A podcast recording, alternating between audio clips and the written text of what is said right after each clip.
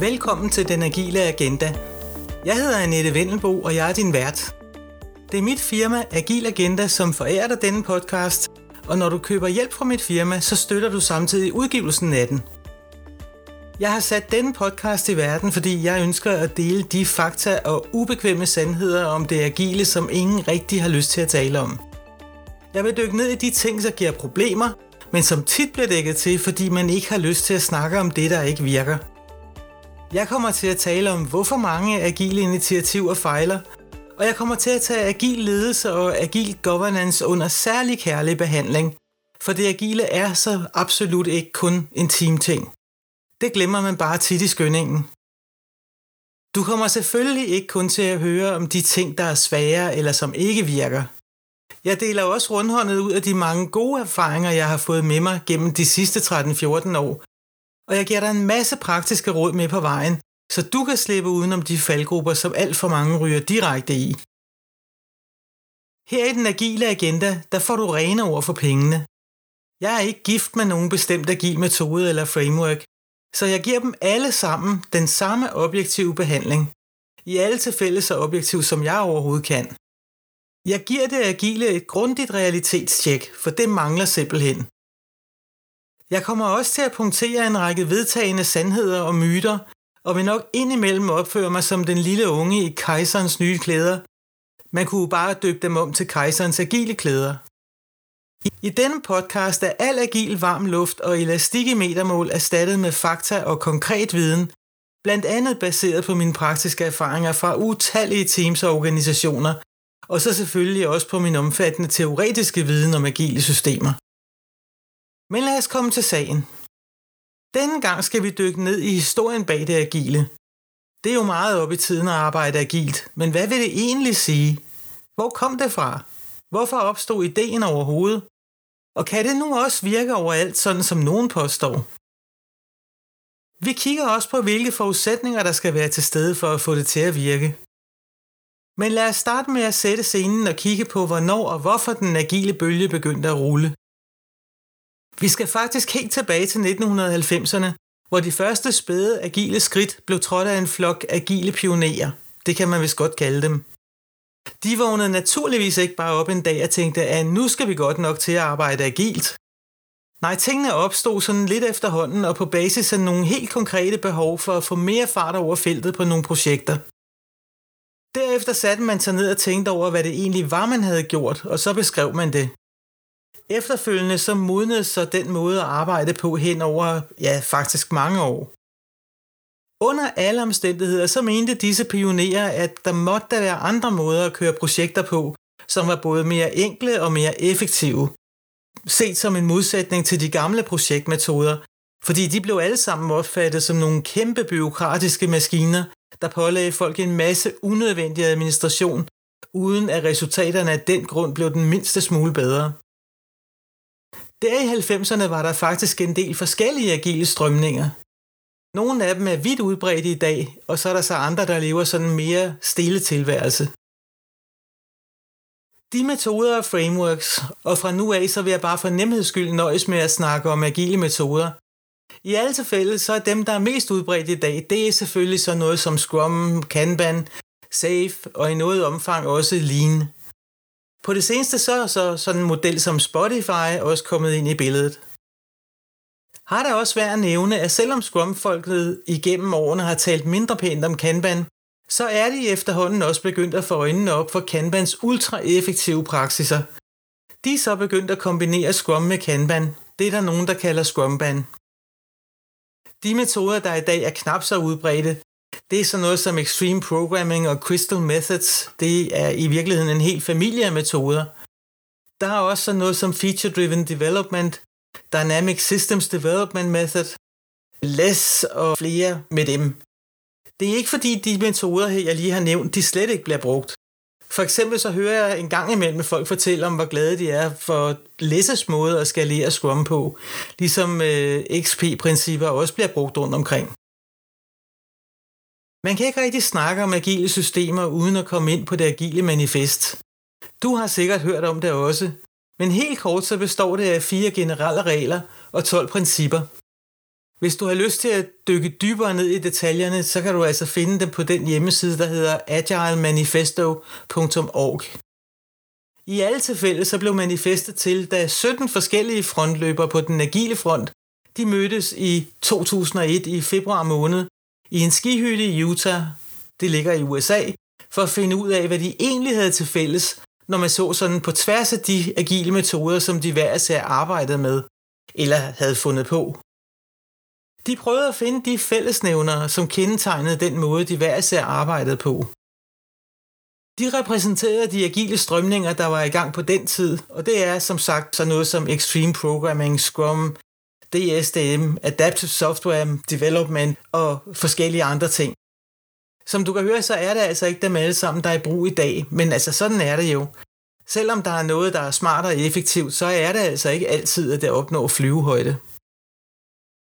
Men lad os gå tilbage til de 17 frontløbere. De befandt sig jo så her i den her skihytte, og efter nogle dages diskussion, så blev de enige om de formuleringer, der den dag i dag står i det agile manifest, som der jo er der stor respekt om.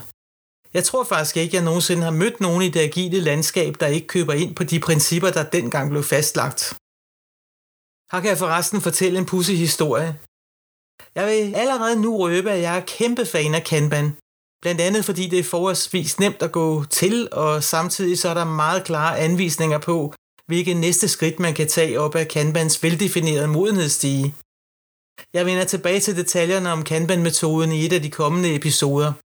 Men under alle omstændigheder, så gør Kanban-metoden en dyd ud af at holde tingene så simple og samtidig effektive som muligt. Og Kanban har også en knaldsimpel måde at definere agilitet på. Det lyder sådan her. Agilitet det handler om at levere den rigtige vare i den rigtige kvalitet på det rigtige tidspunkt. Det skrev jeg så engang i et blogindlæg, og så skal jeg da ellers love for, at jeg fik læst og påskrevet af en af de store kanoner i det danske Scrum Community. Han svarede mig vredt tilbage, at der kun er én gældende definition af agilitet, og det er den, der står i det agile manifest. Men, men, men. Altså, her må vi lige slå fast, at der jo for det første ikke er nogen, der som sådan har patent på at definere et begreb, der ovenikøbet i et vist omfang sådan er lidt elastisk. Hvis man tænker over det, så har det agile manifest jo altså ret præcis 20 år på bagen. Og det er altså de færreste ting eller idéer, der ikke sådan med tiden kan trænge til en lille opdatering.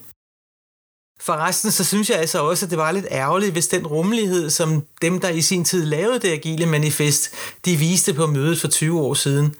Hvis det pludselig bliver omsat til dogmatisk tænkning og retorik, så er det altså ærligt talt en skam. Men altså, der er jo en del religiøsitet derude, når man snakker om det agile. Alting udvikler sig med tiden, men hvis man kunne lave en marketerning ud af principperne i det agile manifest, ja, så kunne det da sagtens være netop definitionen når man leverer den rigtige vare i den rigtige kvalitet på det rigtige tidspunkt, at det ville være den marketerning. Nå, men nok om det. Lad os i stedet for kigge på et par af de områder, der er relevante, når vi skal kigge på omstændighederne omkring projektarbejde.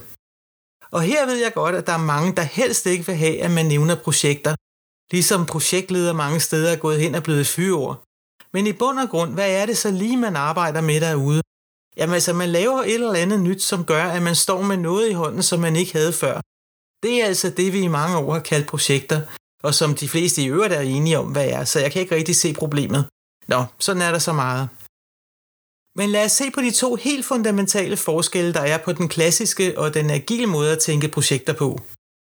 Hvor man i den gode gamle projektverden brugte dage og samtidig uger og måneder på at planlægge sit projekt fra A til Z, og man prøvede at lave en kravspecifikation, der dækkede alt komme alt, også ting, som man aldrig nogensinde fik brug for, ja, så beskriver man kun de ting i detaljen, der ligger tættest på, og som man er næsten 100% sikker på, at man skal have i den agile verden.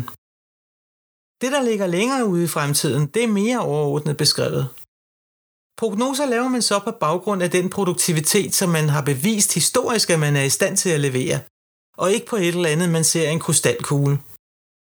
Man forsøger med andre ord at komme væk fra gættekonkurrencer og fra planlægning med bind for øjnene, og i stedet tage en mere realistisk tilgang på baggrund af den konkrete formåen, som teamet har bevist, at de har.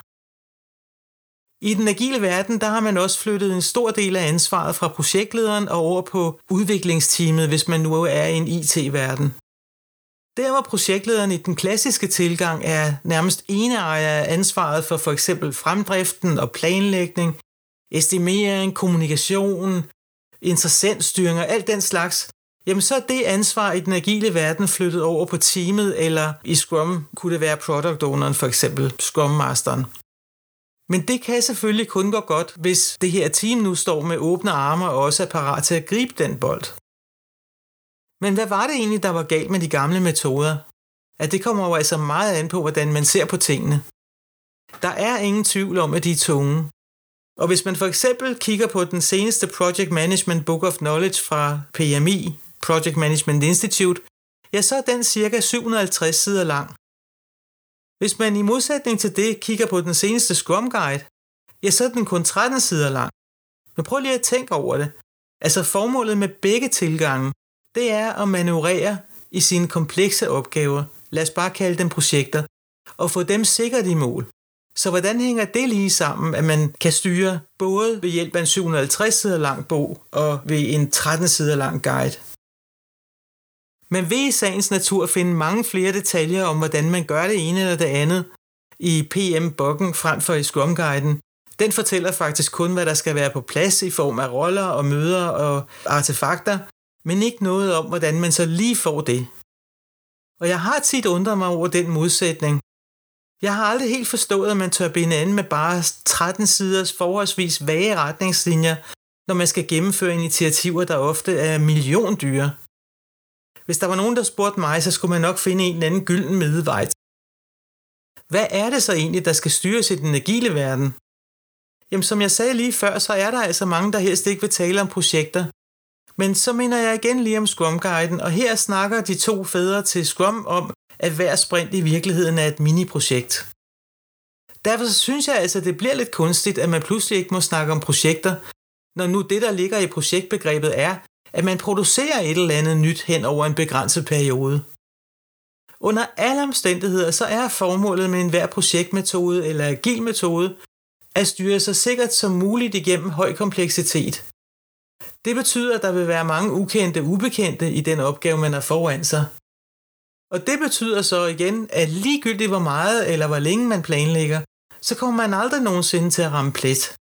Og det er ellers præcis det, man bevidstløst har prøvet på de sidste 50 år uden noget særligt stort held.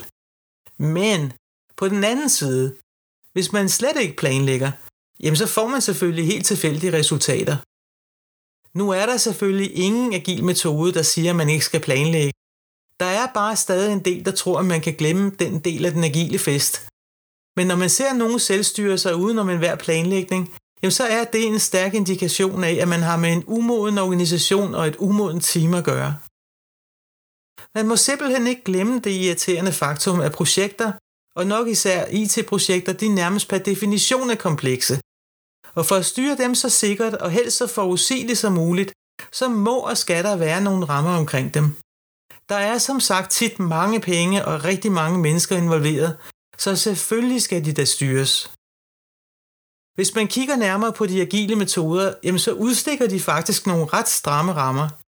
Men i begejstring over princippet om at være selvorganiserende, så er der altså nogen, der samtidig glemmer, at man som team ikke bare kan styre sig selv derhen, hvor man slipper for at gøre det, man synes er kedeligt, eller det, man ikke lige gider. Og det kunne være sådan noget som at følge op på fremdriften og kvaliteten af det, man laver. Det er faktisk nogle af de helt store klassikere. Det kunne også være, at man havde lyst til at se stort på de helt nødvendige praksiser, for eksempel at skabe transparens, for eksempel at overholde definition of ready, definition of done, eller for eksempel at lade være med at droppe sit retrospektiv, bare for at nævne nogle få af de ting, som jeg har set alt for mange steder ude i virkeligheden. Når det så er sagt, så er det selvfølgelig også en ledelsesansvar at sørge for, at der er fastlagt nogle tydelige rammer, og så tage affære, hvis de her rammer ikke bliver fuldt. Det er også vigtigt at forstå, at der er en række forudsætninger for overhovedet at være i stand til at opnå agilitet. Blandt andet er det vigtigt, at de agile teams og deres ledelse går i takt omkring de processer, som deres agile metode udstikker. Der skal helst også være enighed om prioriteringer, så agile teams og specialister med flere ikke flakser fra det ene til det andet, fordi det er fuldstændig uklart, hvad der er vigtigst. Prioriteringer, processer, beslutningsgange med meget mere skal helst være helt transparente, så man ikke skal gætte sig frem. I Scrum og Safe er man ovenikøbet nødt til at have temmelig stor forudsigelighed, for ellers er det jo helt umuligt at lave nogle bare nogenlunde fornuftige sprint forecasts. Især ikke i Safe, hvor man ovenikøbet forsøger at gætte sig til, hvad man kan blive færdig med tre måneder senere. Men vigtigst af det hele er måske kulturen. Du kan have de fedeste processer, og som leder så kan du have sat hegnspælene tydeligt ned i jorden. Men hvis processer og hegnspæle er sat i en kultur, hvor hverken medarbejderne eller ledelsen for alvor har lyst til at ændre noget, ja, det man måske kan kalde med et fortasket begreb manglende forandringsparathed, jamen så sker der ikke andet, end at man giver det, man hele tiden har gjort, nogle nye navne. Hvis der ikke er et værdisæt, som fremmer en kultur, hvor folk er åbne for at kigge ind af, gøre tingene på nye måder, og hvor transparens er en selvfølge, og hvor alle ser sig selv som en del af noget større, end bare at have fokus på, hvad der passer en selv bedst, jamen så kan man glemme alt om at opnå de fordele, man ellers kunne opnå. Man får måske lidt mere transparens, og det er selvfølgelig godt. Men hvis man ikke er indstillet på at handle på de dårligdomme, der kommer frem i lyset ved hjælp af den her transparens, ja, så er og bliver løbende forbedringer altså kun to tomme ord. Ja, nu kunne det næsten lyde som om, jeg taler det agile ned, men det ligger mig altså virkelig fjernt at gøre. Det er bare vigtigt, at man ikke tror, at det agile er en gratis omgang, der mirakuløst øger effektiviteten, bare fordi man begynder at kalde en kravspecifikation for en product backlog, eller opfinder et sæt nye roller. Det siger sig selv, at en ny metode ikke ændrer noget som helst i sig selv, og det kan da slet ikke forandre en skidt kultur. Der skabes først forandringer og forbedringer, når man ændrer sine værdier og sin adfærd, som derefter udmyndter sig i nye praksiser, og det skaber så nye resultater. Der er absolut klare fordele ved at arbejde agilt. Man, og det vil altså sige alle, inklusive ledelsen, accepterer for eksempel, at det ikke er muligt at planlægge komplekse opgaver detaljeret fra ende til anden, og det endda vil være et kæmpe spild af tid at prøve på at gøre det. Man ved, at man bliver klogere hen ad vejen, og accepterer, at det, man troede var vigtigt i udgangspunktet, samtidig kan vise sig overhovedet ikke at være det. Man anerkender også, at det er det agile team selv, der bedst ved, hvordan en opgave skal løses. Man ved også, at micromanagement blot vil forsinke værdiskabelsen. Ledelsen skal selvfølgelig prioritere. Det er og bliver en ledelsesopgave. Men man lader teamet om at bestemme, hvem der gør hvad og hvordan. Teamet skal bare være transparente, så andre kan se, hvad det er, der foregår, hvad der arbejdes på, og hvem det er, der gør hvad. Hvis man oven i det, og uanset hvilken agil metode der er tale om, valgte at fokusere benhårdt på flow og følge op på, hvor hurtigt ens aktiviteter kommer igennem fra start til slut, så er det simpelthen opskriften på at skabe resultater hurtigere. Det gør man, fordi man pludselig kan se, hvornår ens aktiviteter bliver blokeret af en eller anden grund, hvorefter man kan fikse den bagvedliggende årsag. Altså selvfølgelig, hvis man ellers tager ansvar for det, der sker. Det gør umodne teams og organisationer ofte ikke, mens de mere modne gør det som noget fuldkommen naturligt, og på den måde så skabes der løbende forbedringer. Er der så ulemper ved at arbejde agilt? Nej, det er der egentlig ikke, men øh, balladen opstår i virkeligheden kun fordi man ikke bruger metoden, følger processen eller bemander rollerne sådan som det er tænkt. Netop fordi metoderne ser enkle ud på overfladen, så falder mange i den fælde at tro, at det er nemt. Det er det ikke, fordi alle de mere uhåndgribelige ting, sådan noget som kultur og vaner, fejltolerance, ledelsesstil, politik med videre, det er i virkeligheden det, der afgør, om en hvilken som helst metode kan komme til at virke. Ja, faktisk uanset om den er agil eller om det er en af de klassiske. Men en af de vigtigste forudsætninger for at få det agile til at virke, det er som nævnt, at der er vilje til transparens, og man er nogenlunde disciplineret omkring den måde, man arbejder på. Det nytter ikke at snakke i store overskrifter, så bliver ens aktiviteter bare hængende på Scrum eller Kanban-bordet uge efter uge efter uge, og det giver ingen transparens. Man er nødt til at bryde tingene ned i lidt mindre klumper, sådan så det er til at gennemskue, hvad der skal til for at løse opgaverne, inklusiv de afhængigheder, man har til andre. Og dem er der som regel rigeligt af. Dem skal man have op i lyset, inden man overhovedet starter på opgaven. Og ellers så er det, der sker for mange af de her hovsager, og hvor kom det lige fra? Men lad mig fortælle lidt om mine egne surt sammensparede erfaringer med at arbejde agilt eller hjælpe andre med at gøre det. Jeg ved, at jeg gentager mig selv, men en af de værste dræber af effektivitet, og en ting, jeg ser nærmest alle vegne, er lige præcis, at der ikke er styr på de tværgående afhængigheder. Det betyder, at opgaver bliver bremset op, og der opstår ventetider. Det giver så unødvendigt lange gennemløbstider. Og her siger jeg med vilje unødvendigt, fordi man kunne have undgået det, hvis ellers man havde været lidt proaktiv. Hvis man for eksempel kan se på forhånd, at man vil blive blokeret, jamen så skal man lade være med at starte den her opgave, men tage en anden, hvor man kan gøre tingene færdige i et stræk uden problemer. En anden ting, som er en kæmpe effektivitetsstræber, det er, at prioriteringerne skifter. Det oplever man tit, og det er en kæmpe uvane hos mange ledere. Og ikke nok med det, så oplever man ovenikøbet, i købet, at de forskellige ledere i den samme virksomhed overhovedet ikke er enige om prioriteterne. De sidder på toppen af hver deres silo, med hver deres sæt af prioriteter, og det skal jo gå galt. Det betyder nemlig, at der opstår unødvendigt meget spildtid, når opgaverne overdrages fra et team til det næste, indtil de til sidst er færdige. Det er de færreste teams, der kan lave alt selv fra ende til anden. Så hvis det ene team leverer deres del af en opgave videre til det næste team, der ikke lige prioriterer den, jamen så ligger den bare der og samler støv, indtil det pågældende team synes, at nu er den vigtig nok. Den slags ventetider er et kæmpe bidrag yder til de lange gennemløbstider. Meget ville kunne forbedres, hvis man målte ledere på evnen til at prioritere i fællesskab og måle dem på deres evne til at fjerne flaskehalse og blokeringer og altså noget, der går på tværs af siloer. En anden erfaring, jeg har gjort mig, det er, at disciplinen og modenheden i de teams, der skal arbejde agilt, faktisk sjældent er særlig høj. Mange er slet ikke vant til at arbejde metodisk og struktureret, og mange gider ikke rigtig at følge den valgte metode. Forandringsparatheden kan simpelthen meget ofte ligge på et meget lille sted. Men hvis man ikke gør noget nyt, jamen så får man selvfølgelig heller ikke nogen nye resultater. De indvendinger, som jeg ofte hører, det er, at vi er så anderledes her hos os, så det giver overhovedet ikke mening at arbejde på den måde, der er tænkt i metoden. Eller hvis nu man har valgt at arbejde med Scrum, så hører man ofte den her. Ej altså, hvorfor behøver vi at mødes hver dag? Vi sidder jo lige her ved siden af hinanden. Og forståelsen for, at der er nogle konkrete formål med alle de forskellige møder i blandt andet Scrum, for eksempel det at mødes hver dag, det kan ligge på et meget lille sted. Mange holder sig til det bekvemme, nemlig at arbejde præcis på den måde i dag, som jeg gjorde i går. Alt det er faktisk meget menneskeligt, men før man får has på uviljen til at tænke nyt, jamen så kan man mere eller mindre glemme ambitionen om mere agilitet i organisationen. Det er selvfølgelig ikke umuligt, det kræver bare, at man arbejder seriøst med værdierne og kulturen i ens organisation. Metoden, man har valgt, det er sådan set det nemmeste af det hele. Hvis nu jeg skal konkludere på det her med at arbejde agilt, jamen så er det, at det virkelig betaler sig, hvis ellers man griber tingene bare nogenlunde fornuftigt an.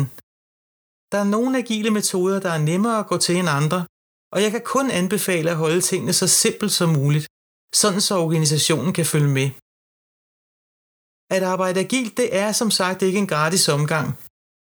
Hvis man skal opnå agile optimeringer, så kræver det, at både teams og ledelsen er parate til at ændre vaner og tage ansvar for, at den metode, man nu engang har valgt, den også kommer til at fungere. Gør man bare det, man plejer, jamen så får man det, man plejer. Også selvom man kalder tingene noget nyt. Her skal man passe på kejserens agile klæder. Man skal ikke lade sig besnakke til at kaste sig ud i det agile, bare fordi ens nabo, konkurrent eller bedste ven, hvem det nu kan være, arbejder agilt. Altså, så kan man ende med at stå med, ja, faktisk stå med absolut ingenting. I stedet så skal man nøje vurdere, hvad der kan passe til ens organisation. Hvordan er den agile parathed, og hvordan er forandringsparatheden i det hele taget? Hvis ikke man gør det, så er risikoen, at man kaster en masse penge efter et initiativ, som bare ikke kan fungere hos en selv. Der kan være mange gode grunde til, at man hellere skal spare pengene og i stedet bruge energien på at få det, man allerede har sat i værk, til at fungere bedre. Jeg har faktisk altid synes, at lige præcis det er en meget interessant tanke. Jeg er en 100% overbevist agil specialist og nørd, og jeg ved som sagt, at det er virkelig effektivt at arbejde agilt. Men jeg ved også, at der er nogle helt klare forudsætninger for at skabe de forbedringer, man gerne vil have. Nu har jeg fortalt om nogle af de vigtigste her.